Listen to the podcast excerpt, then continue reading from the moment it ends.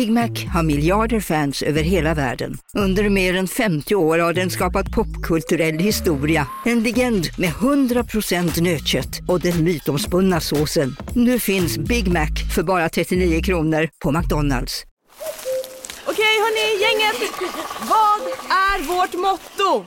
Allt är inte som du tror. Nej, allt är inte alltid som du tror. Nu täcker vårt nät 99,3 procent av Sveriges befolkning baserat på röstteckning och folkbokföringsadress.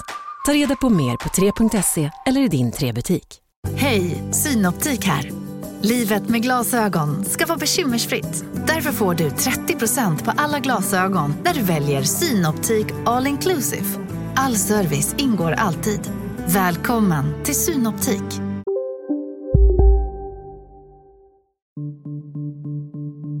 Han hade ju ett parlamentariskt läge där han hade kunnat sitta kvar. Du ska inte i ett Sverige behöva stå på knä för att försörja dig. En fullständigt idiotisk fråga. Han var statsminister i över tio år och när han avgick 2006 hade han precis förlorat valet knappt mot Fredrik Reinfeldt. Göran Persson har hunnit bli 68 år gammal och är idag bonde, styrelseproffs och PR-konsult. Hans politiska intresse är långt ifrån borta. Så vad tycker HSB, som han ibland kallades, om dagens politiska läge, om Sverigedemokraternas framgångar, om hur flyktingkrisen sköttes och hur integrationsproblem ska hanteras?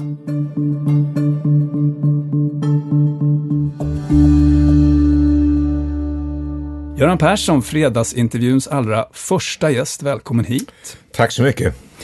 Det där med HSB, han som bestämmer. Eh, tyckte du om det smeknamnet? Eller det kanske var ett öknamn, jag vet inte.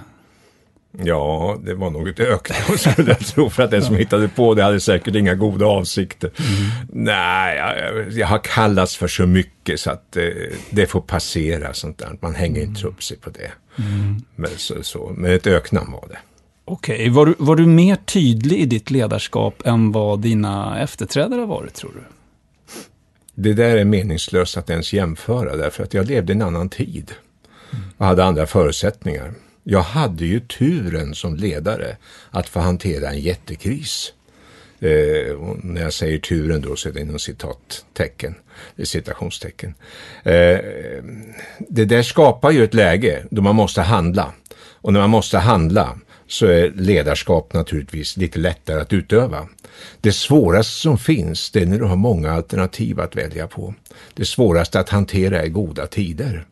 Och vi har haft goda tider de senaste åren. Men menar du att du hade varit en vagare ledartyp om inte finanskrisen eller den här eh, skuldkrisen hade uppstått och du hade behövt sanera statsfinanserna? Det utesluter jag inte. Utan så kunde det mycket väl ha varit. Eh, och eh, man måste komma ihåg det. Eh, de ekonomiska förutsättningarna formar utgångspunkten för både ledarskap och politik. Eh, det är den här basen, den ekonomiska basen som det växer fram. Och eh, jag levde i den tiden med de förutsättningarna. Det var någonting helt annat än idag. I samband med den här metoo-kampanjen som har fått så mycket eh, uppmärksamhet så fick du frågor av Expressens Niklas Svensson om du själv har behandlat eh, kvinnor illa. Och då sa du att eh, du har inte gjort någonting i stil med det som diskuteras nu, där det är mycket sexuella övergrepp och så. Däremot så sa du att du kanske har varit väl hård ibland och orättvis och grabbig, sa du.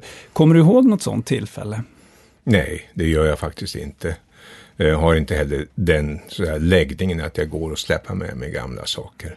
Mm. Men eh, det är viktigt att säga att eh, i miljöer där man ska prestera väldigt mycket så måste man ha höga krav på sin omgivning. Och det är bara trovärdigt om man har ännu högre krav på sig själv.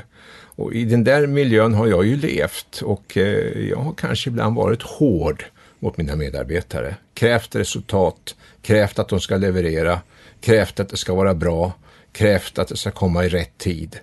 Och själv då haft ännu högre krav på min egen prestation. Det, det har varit mitt sätt att hantera det. Stress... Det är ingenting jag skäms för. Stress är ju naturligtvis ett problem för alla som jobbar i den typen av utsatta positioner som du hade. Var det också ditt sätt att hantera pressen, att bli lite väl hård ibland då? Eller? Nej, mitt sätt att hantera stress har varit att sova. Mm.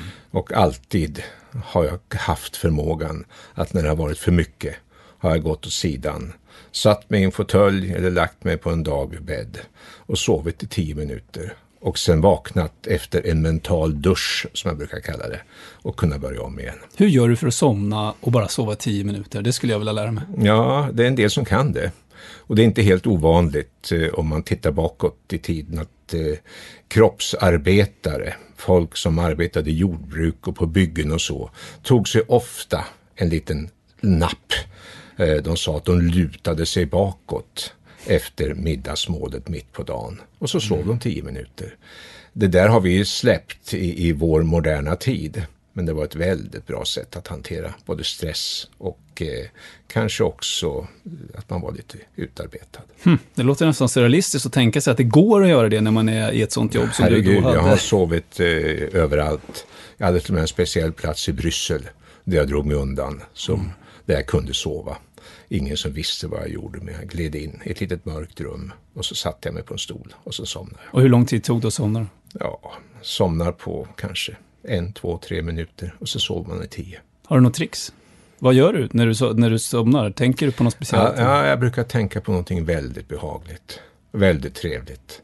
Någonting som, som, som jag vill göra eller ser fram emot.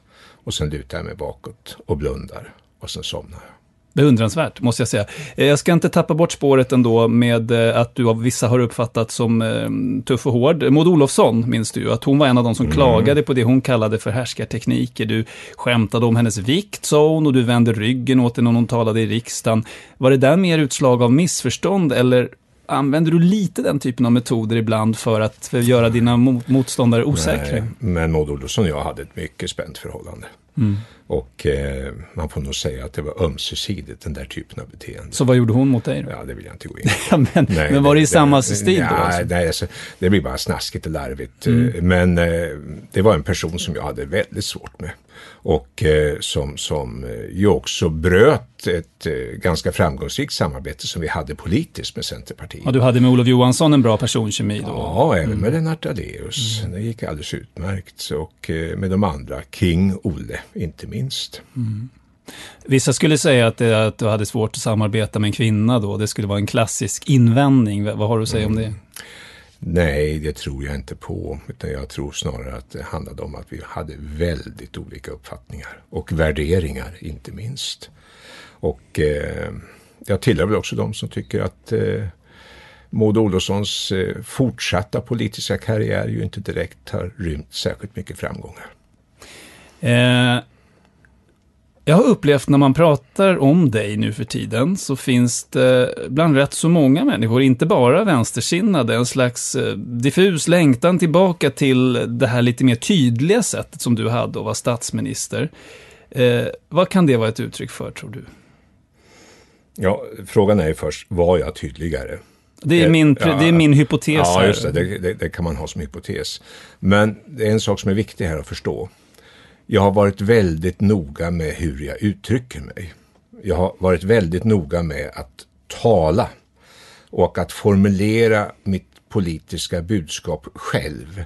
Så det har, jag, har, jag har ägt det och det har kommit inifrån. Och det har gjort att jag kanske har upplevt som tydligare än vad jag har varit. För väldigt mycket av så att säga, politikens konst är ju att ge klara, tydliga besked men ändå ha en möjlighet att kunna backa ur ifall någonting går snett. Mm. Så eh, kanske att det där är överdrivet, kanske. Å andra sidan, eh, det var väldigt mycket resultat vi nådde av det enkla skälet att vi var tvungna att nå resultat. Och sen var det min uppgift att beskriva det här. Och det fann jag en stor glädje i. Jag utformade ju väldigt mycket av politiken direkt i talarstolen. Talade till folk och såg hur de reagerade. Förstod om de förstod och förstod om de inte förstod. Och om de inte förstod så tog jag om det igen. Så där höll jag ju på i många år. Och eh, det är en politisk metod som passade mig och som gav en väldigt tydlig kommunikation. En spaning som jag då får stå för, för själv är att jag upplever, som sitter på andra sidan, att många av dagens politiker är rädda för medierna. Alltså de är rädda för att det ska bli fel spin, som man säger, på, på utspel. Och så upplevde då jag inte dig på samma sätt. Nej. Ligger det någonting i det där? Att man har blivit för rädd för journalisterna och vad de ska skriva och tycka? Ja, konstigt nog, tycker jag. Därför att det har ju aldrig varit en mer eh, ojämlik relation mellan journalister och politiker än idag. På vilket sätt? Ja, det är politikerna som har ett övertag. Den dagen när jag började med politik, då hade vi ju en tv-kanal. Eh, och sen fick vi två. Och sa man fel där så var det allt. Liksom, och därmed så var sanningen etablerad. Idag har man ju tusentals olika möjligheter att föra ut sitt budskap. Allt ifrån det sociala medier över till traditionella medier. Och till kvartalsfredagsintervju? Ja, till exempelvis. Vem Mm. visste vad en podd var för fem år sedan? Mm. Idag är hela marknaden fylld av detta. Men du håller med om det, Ja, det håller- att det, man är mer rädd för journalister? Ja, det, det känns som om alldeles för många sysslar med att i förväg exakt lägga fast vad de ska säga. Men politik är ju en intellektuell verksamhet. Och möter du en människa i ett samtal som du gör med en journalist, då måste du ju svara på det som är ingången i samtalet och inte säga någonting som är förutbestämt. Sen kan du ändå komma tillbaka till ditt budskap, men du måste ju föra ett samtal och finna en glädje i det. Mitt problem med det där är att eh, mediernas sätt att vinkla olika saker, det är ju inte automatiskt ett uttryck för folkviljan. Alltså, för det finns ju inga raka rör mellan mig som journalist och, och folkdjupet där ute. Så varför hanterar politiker det ofta som om det vore ett uttryck för folkviljan, vad medierna vinklar på? Därför att de troligen har någon slags erfarenhet från något tillfälle då det har blivit fel. Och även om då journalisten som sitter framför dig på inget sätt är folkviljan så blir det felaktigt hanterade svaret snabbt någonting som får väldigt starka vingar och flyger och så uppfattas det som någonting som är så att säga katastrofalt och folkligt djupt föraktat. Och så blandar man ihop det där. Nej, politik är den högsta formen av intellektuell verksamhet. Så är det när det är som bäst. Och då måste det bygga på att du själv formulerar dig och att du själv drar slutsatser av det du upplever och ser. Mm. När du eh, förlorade valet 2006 så meddelade du din avgång där på valnatten. Eh, med tanke på vad som hände i ditt parti efteråt med först Mona Sahlin och sen Håkan Juholt och åtta år i opposition. Har du någonsin tänkt att du kanske gick för tidigt där? Ja, det har jag gjort. Eh, självklart har jag tänkt det många gånger. Men ändå kommit fram till slutsatsen att det var nog trots allt rätt att göra det. Eh, av det enkla skälet att jag var trött. Eh, jag hade tappat lusten. Jag var sliten. Jag hade ju stått i centrum för svensk politik i 13-14 år i praktiken. Finansminister, ekonomisk talesman och statsminister. Det var färdigt för min del. Och jag kände en väldig befrielse märkligt nog, där på valnatten. Det var en konstig upplevelse. Och att i det läget gå in i ytterligare en stenhård fight internt om att få sitta kvar, nej, det lockade mig inte. Men du måste ha våndats när du såg vad som hände sen. Inte minst under Juholtkrisen då när partiet höll på att pysa ihop nästan ett tag. Ja, det är klart. Det är klart. Och det där lever man ju med. Eh, Man är ju kopplad till sitt gamla parti. Man identifierar sig med det. Och det är klart att Juholtkrisen och även Monas problem var ju naturligtvis oerhört eh, trista att se. Absolut. La du dig i någonting eller försökte att hjälpa till? Ytterst lite, får jag säga. Ytterst lite. Det är så svårt att komma från sidan och lägga sig i. Och jag vet ju själv hur jag som statsminister, partiordförande skulle ha reagerat om någon kom in i min verkliget på så sätt. Hur hade du reagerat då? Jag hade bett om fara och flyga troligen. Eh, någon gång förde jag samtal med Ingvar. Eh, I någon slags ömsesidig insikt om eh, uppdragets eh, jävlighet och möjligheter. Eh, på så sätt. Och den typen av samtal har jag väl också med Stefan. Men eh, i övrigt, läktarnas experter har aldrig löst fotbollens problem. Är det Stefan som ringer dig eller Göran som ringer Stefan? Det är nog både och. Okej, Det så du går- kan slå honom en signal? Absolut. Absolut. Det vore konstigt annars. Mm. Eh, man brukar ju tycka att eh, sörja för sina efterträdare, att liksom kratta manegen, att det ska mm. finnas någon som mm. kan ta över som är lämpad för det, är en mm. del ändå av en statsministers, eller partiledare snarare, uppgift. Eh, misslyckades du med den delen, tycker du? Ja, jag eh, hade ju den största motgång som mm. någon statsminister har haft. Jag förlorade ju min utrikesminister i ett mord på öppen gata i Stockholm hon som skulle ha efterträtt mig. Var det självklart att det skulle ha blivit ja, hon tror du? Alltså, det är jag helt övertygad om. Och eh, i, i, i hennes skugga då, om man säger så, så, så växte ju också de andra i samma generation och det blev ett väldigt starkt lag. Och den dagen hon var borta så blev de andra genast mycket blekare. Eh, så, så, var det och eh, jag tappade också väldigt mycket av, av, min lust eh, efter detta. Det var, det var ett svårt år, verkligt svårt år. Jag ska byta lite perspektiv, Fredrik Reinfeldt gjorde ju egentligen samma sak som du gjorde 2014. I ett uh, oklart parlamentariskt läge visserligen då, uh, så avgick han på valnatten. Något som har gett honom öknamnet Kapten Costa Concordia inom Moderaterna. Du vet, kaptenen ja, som lämnar den sjunkande skeppet. Kan du förstå att de blev besvikna på honom? Ja, absolut. Och det är viktigt det du säger. Han hade ju ett parlamentariskt läge där han hade kunnat sitta kvar. Mm. Han hade ju kunnat sagt på valnatten att det här är en väldig motgång för mig personligen, det är en motgång för Moderaterna, det skapar ett osäkert läge i Sverige. Men jag är statsminister och jag har ansvar för att se till så att det här osäkra läget kan hanteras. Och imorgon så bjuder jag in Stefan Löfven för samtal om hur vi gemensamt ska ta ansvar för landet. Men var inte han också trött och sliten tror du, precis som du var? Ja, det, det, det, det är en rimlig förklaring. Jag tror att det var så. Han var färdig med det så att säga. Mm. Eh, och han hade suttit i åtta år och det är också en lång tid. Mm. Eh, nu ska vi veta att eh, det är ju liksom ett uppdrag som kräver totalt engagemang. Eh, alla de vakna timmarna på dygnet. Och du vet aldrig vad som händer. Det är ju det som är skärmen och det som är så att säga, det stimulerande med det. Men det är slitsamt. Mm. Väldigt slitsamt och du känner ofta, väldigt ofta orättvist behandlad. Eh, men då gäller det ju att orka ta sig i kragen och gå vidare. Mm. Um, han anses ju dock, även fast han hade avgått då, eller meddelat sin avgång, vara arkitekten bakom den här decemberöverenskommelsen som träffades eh, efter valet. Vad tycker du om den? Märklig på många sätt naturligtvis. Eh, men givet det parlamentariska läget och att man inte ville ta ett nyval så blev det ju på något sätt den lösning som var möjlig. Men den har ju aldrig varit riktigt bra. Mm. Lyckligtvis har vi haft fyra bra år för Sverige.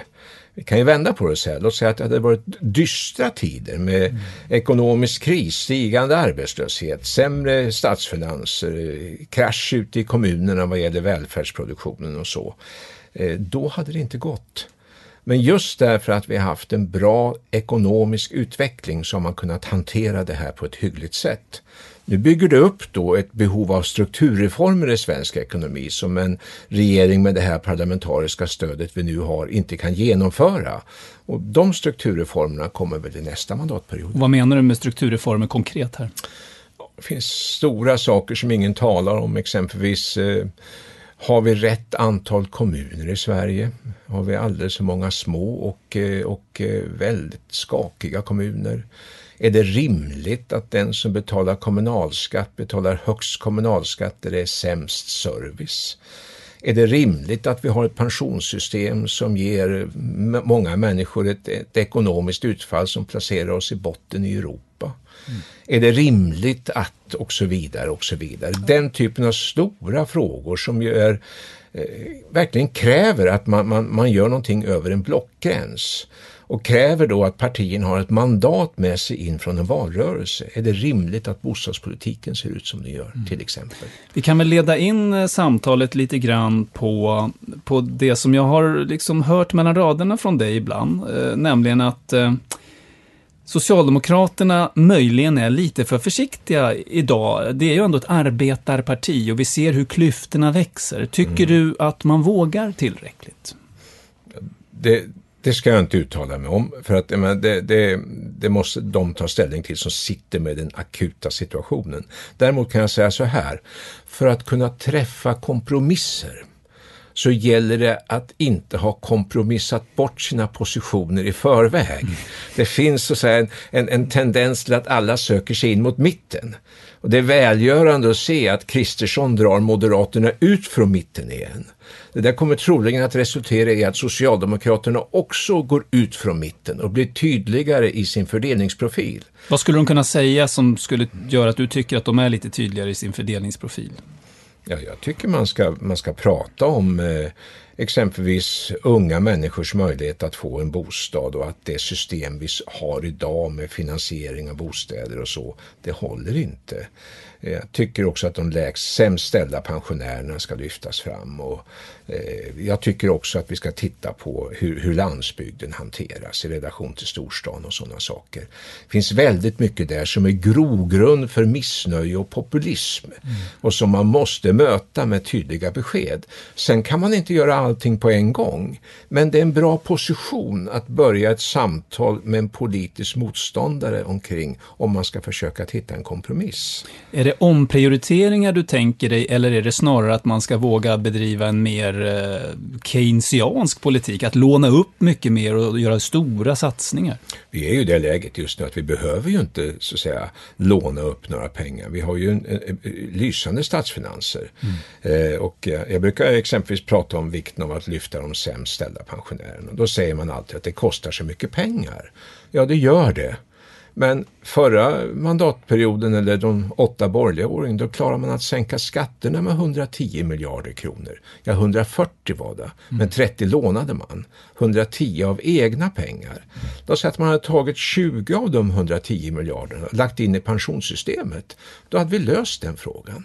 Så att vi är i det unika läget att även om statsfinanser är en restriktion, det är det, så det är ändå på det viset att inom den restriktionens ram har vi en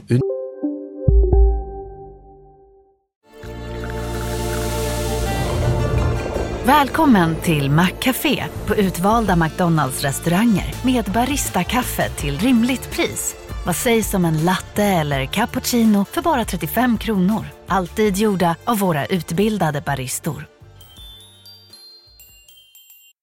Hej Sverige! Apoteket finns här för dig och alla du tycker om. Nu hittar du extra bra pris på massor av produkter hos oss. Allt för att du ska må bra. Välkommen till oss på Apoteket. Hej, Susanne Axel här. När du gör som jag och listar dig på en av Krys vårdcentraler får du en fast läkarkontakt som kan din sjukdomshistoria. Du får träffa erfarna specialister, tillgång till lättakuten och så kan du chatta med vårdpersonalen. Så gör ditt viktigaste val idag, lista dig hos Kry. Unik handlingsfrihet och det ser man ju inte minst på den senaste budgetpropositionen. Tycker du den var, var tillräckligt? Jag tyckte den var bra. Den skickade signaler att vi, vi vill använda resurserna för att öka, öka rättvisan i Sverige helt enkelt. En sak som är ihopkopplat, eller som vissa kopplar ihop i alla fall, med just rättvisefrågan eh, och klyftorna, det är ju att Sverigedemokraterna har blivit ett reellt stort alternativ som fick 13 procent i förra valet och ibland har varit uppe som näst största parti i riksdagen i opinionsmätningar. Samtidigt när du fortfarande var statsminister, då var de ju en, en marginell kraft. Vad, vad var skillnaden då och nu tror du? Ja, det var väl helt enkelt tiden. Eh, man, man, man, det är möjligt att om jag hade fått fortsätta i fyra år till att jag hade haft växande Sverigedemokrater under mm. mitt ledarskap också. Det ska sägas. Men det är klart att Sverigedemokraterna har ju ridit på två hästar samtidigt. Dels har man ju haft den starka invandrarfientliga agitationen. Samtidigt en kritik av brister i välfärdssystemet. Och, och eh, de där två sakerna har man ridit skickligt på och tagit både vänsterväljare och högerväljare. Nu har ju invandringspolitiken stramats upp och blivit mer realistisk får jag säga och det, det gör ju att Sverigedemokraternas livsluft minskar. Nu tycker jag också att det är dags att ta tag i de här sakerna som jag tycker är viktiga. Hur landsbygden hanteras, hur de äldsta hanteras, hur eh, de som arbetar tycker att de får det att gå ihop ekonomiskt. Alltså ett vänsterperspektiv på fördelningsfrågor. Vänster vänster landsbygdsperspektiv på fördelningsfrågor. Och då mm. skriker de genast när man säger det. Det vinner vi inga röster på i Stockholm. Jo, det gör vi. Därför att de som bor i Stockholm, de flesta av dem har en morsa eller farsa som bor kvar i Grums eller någon annanstans och upplever att det bara blir sämre och sämre. Det hänger ihop och vår förmåga att ta ansvar för hela landet är ett uttryck för radikalitet och det måste hävdas. Och då tror du att Sverigedemokraterna då skulle hållas tillbaka också? Ja, det är klart. Det är klart. Uh, om, om, om, om, om det som är deras livslust, uh, missnöjet, så att säga, möts så det är klart att de hålls tillbaka. Och det ser vi ju redan nu eh, med de enkla åtgärder som har vidtagits i fördelningspolitiskt avseende och när man nu har fått lite ordning på invandringspolitiken. Man ser ju att Sverigedemokraterna är ett betydligt sämre läge. Mm. De är inte alls lika så att säga i, i centrum av debatten längre. Och Kristerssons eh, flyttning ut mot höger kommer ju att eh, ta tillbaka en del procent och socialdemokratins skärpning av fördelningspolitiken tar tillbaka ett par procent. Och därmed så är Sverigedemokraterna på väg neråt i spiralen. Och då kommer de att sitta där med en enda känd politiker som heter Åkesson. Vi får se hur det går. Hur stora blir de i nästa val tror du? De blir under 10 procent.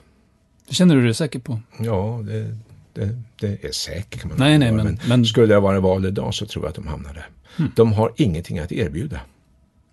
Eh. Annat, annat än missnöjet, ilskan, tillkortakommandet. Mm, låt oss prata om lite grann vad som kan ha drivit fram det då. Eh, flyktingkrisen 2015 blev ju kulmen, får man säga, på en, en politik som du tidigare här, om jag förstod det rätt, beskrev som eh, orealistisk.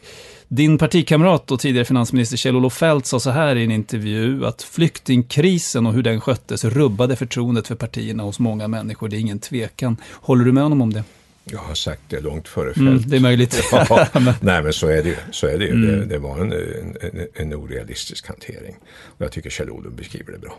Och vad var det största misstaget eller problemet tycker du? Det största misstaget är att man inte ser att det här är en gemensam europeisk uppgift. Fast det sa de ju hela tiden. Det var ju bara Nej, det att de andra europeiska länderna ja, struntade ju just det. och vinkade vidare människor ja, till Sverige. Just det, ja, just det. Och om det sker så får man väl göra som de andra gör då och säga stopp, vi klarar inte det här själva. Det var Sverige, det var Tyskland, det var Österrike mm. som tog ett väldigt stort ansvar. Men man sa ju stopp. Man gjorde ju det. Så, men... Så småningom ja, men för sent. Så hur kände du när du satt där i september, oktober, eh, innan det här hände och, och, det kom in 10 000 människor ja, långt, långt, innan, i veckan? Långt innan det händer. Mm. Eh, när Moderaterna gör upp med Miljöpartiet om hur det här ska hanteras, mm. då anade jag, eller förstod vilket man vill, att det här kommer att bli problem. Och sen kommer då krisen, den internationella krisen ovanpå den. Och den kommer ju att komma tillbaka vi ska ju komma ihåg att, att människor rör sig på det här sättet, migrationen, det är ingen, ingen engångsföreteelse utan det kommer att växa som problem och företeelse därför att människor har tillgång till information idag om hur man kan leva ett annat liv, inte så långt bort. Och så finns det de som också sysslar med att se till så att de kommer dit. Och sen har du ovanpå det krig och kris och konflikter och klimatförändringar. Så eh, det här kommer vi att leva med. Och kan inte Europa hantera det här gemensamt, ja, då får vi växande problem. Men tillbaka då till det, de där månaderna i slutet där, sommaren 2015 och den tidiga hösten. Eh, jag minns att jag faktiskt funderade på vad det var, varför de inte gjorde någonting så att säga. Mm. De framstod i mina ögon i alla fall som lite lätt handlingsförlamade. Vad, mm. vad kan det ha berott på? Det var inte så svårt att förstå. De hade ju investerat så väldigt mycket i motsatsen. Mm. Eh, alla etablerade partier. Eh, jag kommer ihåg Stefans tal om eh, hur han ville se sitt Europa byggas. Det var inga murar som skulle byggas och människor hade rätt till solidaritet och mm. gemenskap. Och du kan ta Reinfeldts öppnade hjärtan och alltihopa det här och du kan ta Miljöpartiet som har varit väldigt drivande både för den gamla borgerliga regeringen och för den nya regeringen. Men var det där naivt då? Eller? Ja, det var naivt. Det får man nog säga. Men eh, att vara naiv behöver ju inte betyda att man på något sätt är, är, är obegåvad, utan eh, det är faktiskt så att man vägde väl inte in alla de faktiska omständigheterna. Man önskade att verkligheten skulle vara lite bättre än vad den var. Och så såg man någon slags idealtillstånd framför sig. Eh, jag kommer ihåg någon sa att det är bara en procent av vår befolkning vi ska ta och så vidare. Mm. Så, så, ja. Det var orealistiskt, det var naivt och det straffade sig själv väldigt hårt. Men det som jag har svårt att förstå är att de här problemen som nu plötsligt beskrivs väldigt mycket mer än tidigare med gängrelaterade problem i förorterna, svårigheter att hitta sysselsättning för många av de som har kommit hit och så, de har ju varit kända jättelänge. Eh, de har visserligen blivit värre, men, men mot den bakgrunden, hur kunde man då ändå ha det här naiva förhållningssättet som du Jag tror inte beskrev? att man kopplade i, i gängkriminaliteten till enskilda barns behov av att få ett skydd innan de flydde från ett krisområde.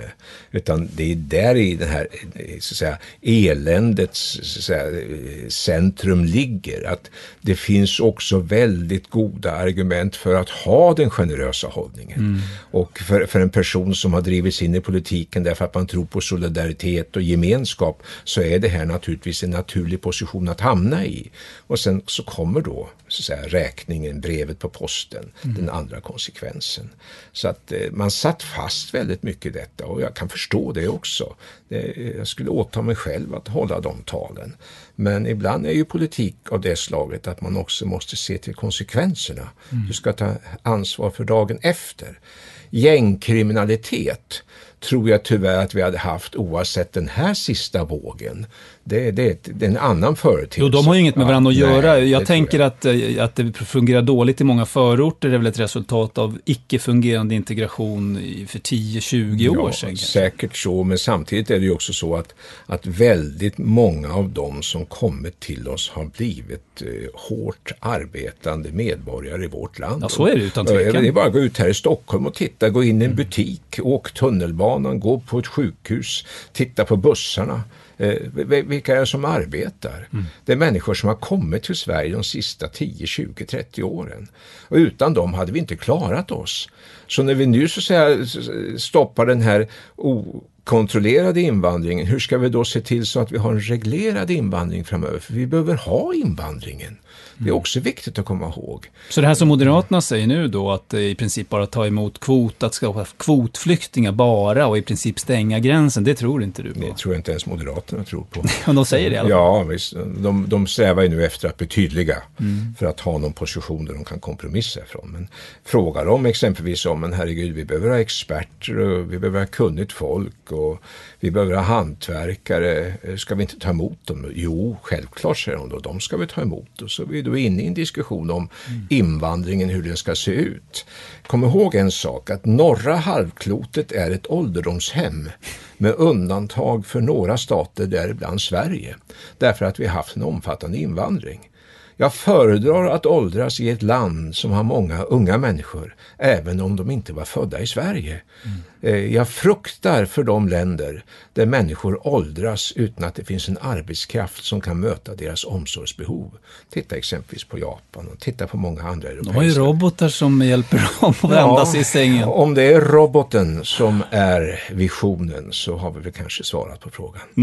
Eh, men det, det här kan ju då, om jag tolkar dig rätt, den relativt stora invandringen som Sverige har jämfört med andra länder, det kan vändas till en jättefördel om Absolut. integrationen fungerar. Ja, absolut. Eh, och då, det är ju den stora frågan nu, eller en av de största i alla fall, som politikerna pratar om hela tiden. Har du dragit några slutsatser eh, av allt det som har prövats som inte har funkat så bra? Vad kan man testa nu? Jag tror den slutsats jag drar det är att det här tar tid. Särskilt för människor som kommer från miljöer där det inte är så vanligt med full sysselsättning. Och framförallt som kommer från miljöer där kvinnorna inte deltar i arbetslivet.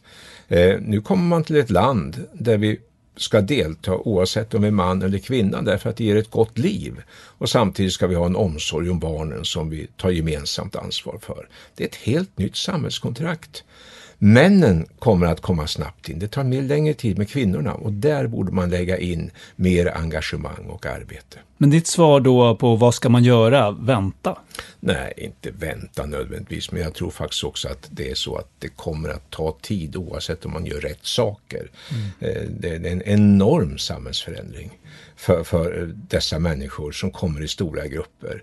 Och då är det väl ganska naturligt också att när de väl kommer till vårt land att de söker sig till sina landsmän. Och där man kan få sin värdering bekräftad och där det går att leva ett liv som är så likt det man lämnade som möjligt i vissa avseenden. Så att eh, det tar tid, allt annat är naivt. Jag har ju också upplevt eh, stora grupper invandrare som kommer till Sverige som har kommit från miljöer där det naturliga har varit att man har arbetat man och kvinna. Och det har gått fort, jättesnabbt att integrera. Eh, jag tror att det är det här det handlar om i stor utsträckning. Och det är väldigt viktigt då att vi håller uppe klassen på våra skolor så att ungarna i dessa familjer, för de är många och de är troligen starka och begåvade, att de får en bra skolgång. Så du, det låter på dig som att sådana här riktade integrationssatsningar, integrationspolitik, det är inte svaret riktigt, utan det är en allmän välfärdspolitik med bra skolor och så vidare? Ja, allmän välfärdspolitik och ekonomisk tillväxt. Du kan ju tänka dig själv vad som skulle hända om vi skulle få en nedgång i ekonomin och stigande arbetslöshet. Vilka grupper som först slås ut. Mm. Och du kan tänka dig själv vilken initiativkraft och uppfinningsrikedom som finns på fältet i det läget då det saknas arbetskraft och då arbetsgivare går ut och börjar på leta aktivt efter folk. Eh, det, är den situationen vi sitter i nu och vår sysselsättning stiger också kraftigt. Mm. Men det går aldrig tillräckligt fort. I den gruppen så stiger det ju i alla fall inte tillräckligt snabbt. Det Nej, de flesta men det stiger. Mm. Mm. Eh, du har också varit inne på jag vill fråga först så här, alltså det här är ju ett problem som vi haft med oss länge, det här problemet med integrationen. Eh, vad, hur mycket sysselsatte det dig när du var statsminister? Inte särskilt mycket ska jag säga. Eh, det var inte på dagordningen på samma sätt. Eh, utan då var ju väldigt mycket av integrationen kopplat till skolfrågan. Och det handlade om sådana saker som hemspråksundervisning och den typen av åtgärder. Det var aldrig en diskussion om att man skulle öppna upp på arbetsmarknaden genom att säga att de som kom sist skulle få sämre villkor och så. Utan, eh, det, och det, det hängde troligen ihop med att vi hade en reglerad invandring. Eh, det var inte så att säga 150 000 som kom utan något rekordår så kanske var 50-60 000 och det var väldigt ansträngande men det var inte på topp på samma sätt. Så det var ingenting ni pratade så mycket om? Det var inte där ni hade ert fokus? Inte, nej, det kan jag inte säga. Jag skulle, så säga, om man skulle vilja vara lite, så säga, lite, lite feg så skulle man kunna säga att det där höll vi på med ständigt och så. Men det, jag, jag har inte det minnet. Sen var det säkert de som sysslade med det i regeringskansliet, naturligtvis. Men det stod inte på topp på debatten. Och när jag kom till någon lördagsintervju med Ekot, inte var det det här det handlade om. Eh, innan vi lämnar det här ämnet så, så eh, enligt eh, prognoser som bland annat har gjorts i tidningen Dagens Samhälle så kan man förvänta sig att det kommer kanske upp till en halv miljon, framförallt anhöriginvandrare, under eh, detta år och nästa år. Alltså ganska mycket människor ändå.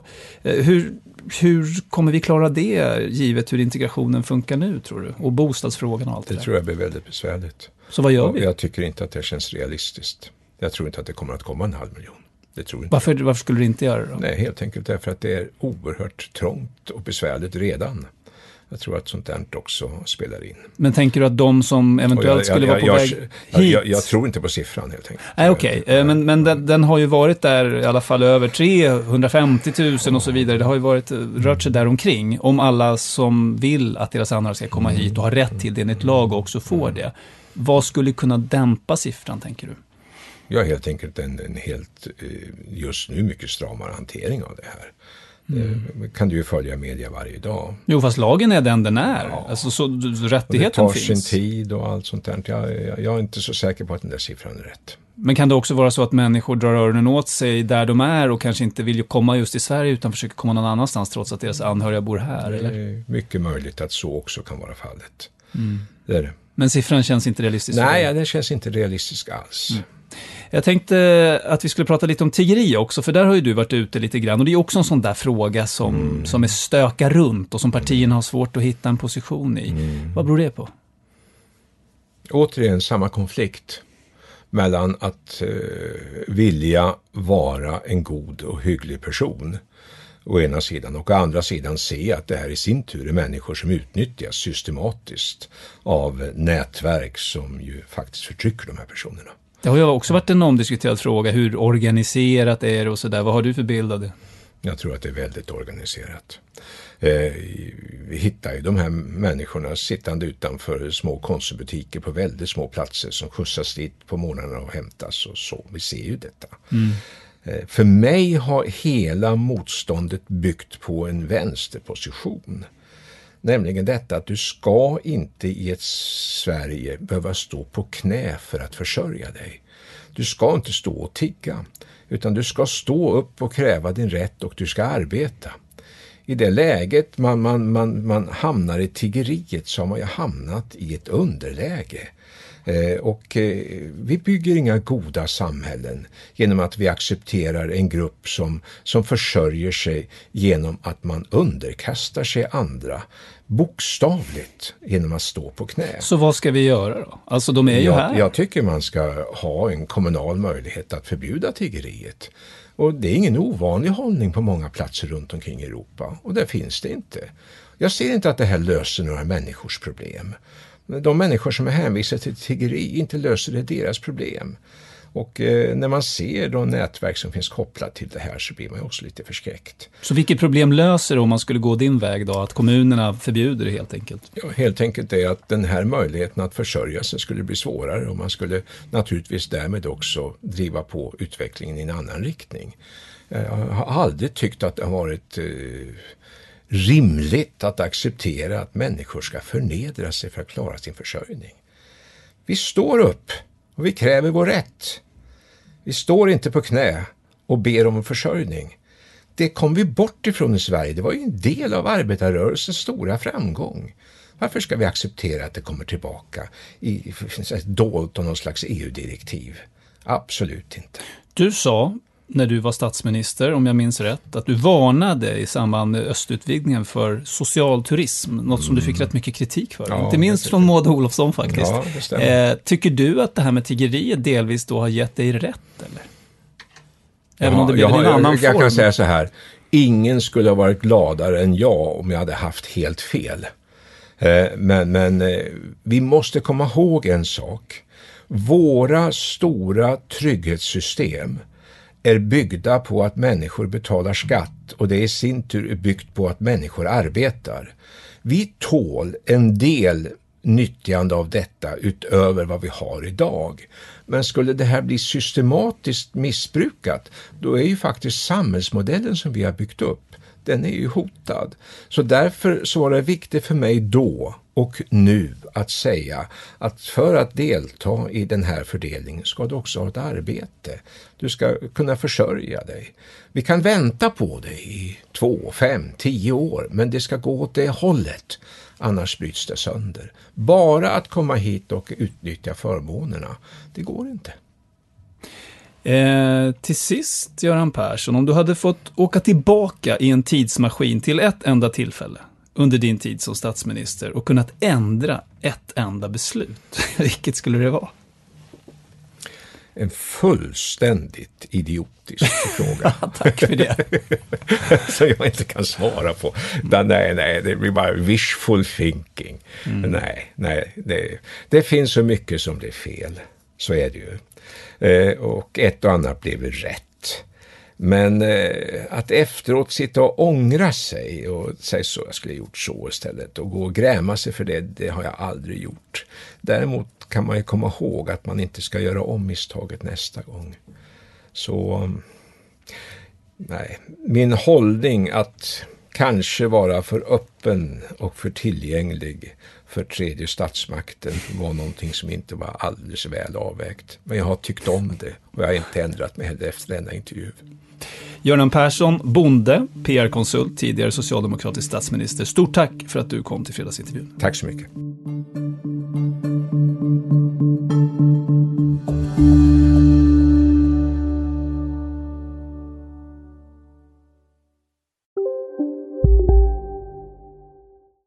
Ni är med om det största. Och det största är den minsta. Ni minns de första ögonblicken. Och den där blicken gör er starkare. Så starka att ni är ömtåliga. Men hittar trygghet i Sveriges populäraste barnförsäkring. Trygg Hansa. Trygghet för livet. Välkommen till Maccafé på utvalda McDonalds restauranger med Baristakaffe till rimligt pris. Vad sägs om en latte eller cappuccino för bara 35 kronor? Alltid gjorda av våra utbildade baristor.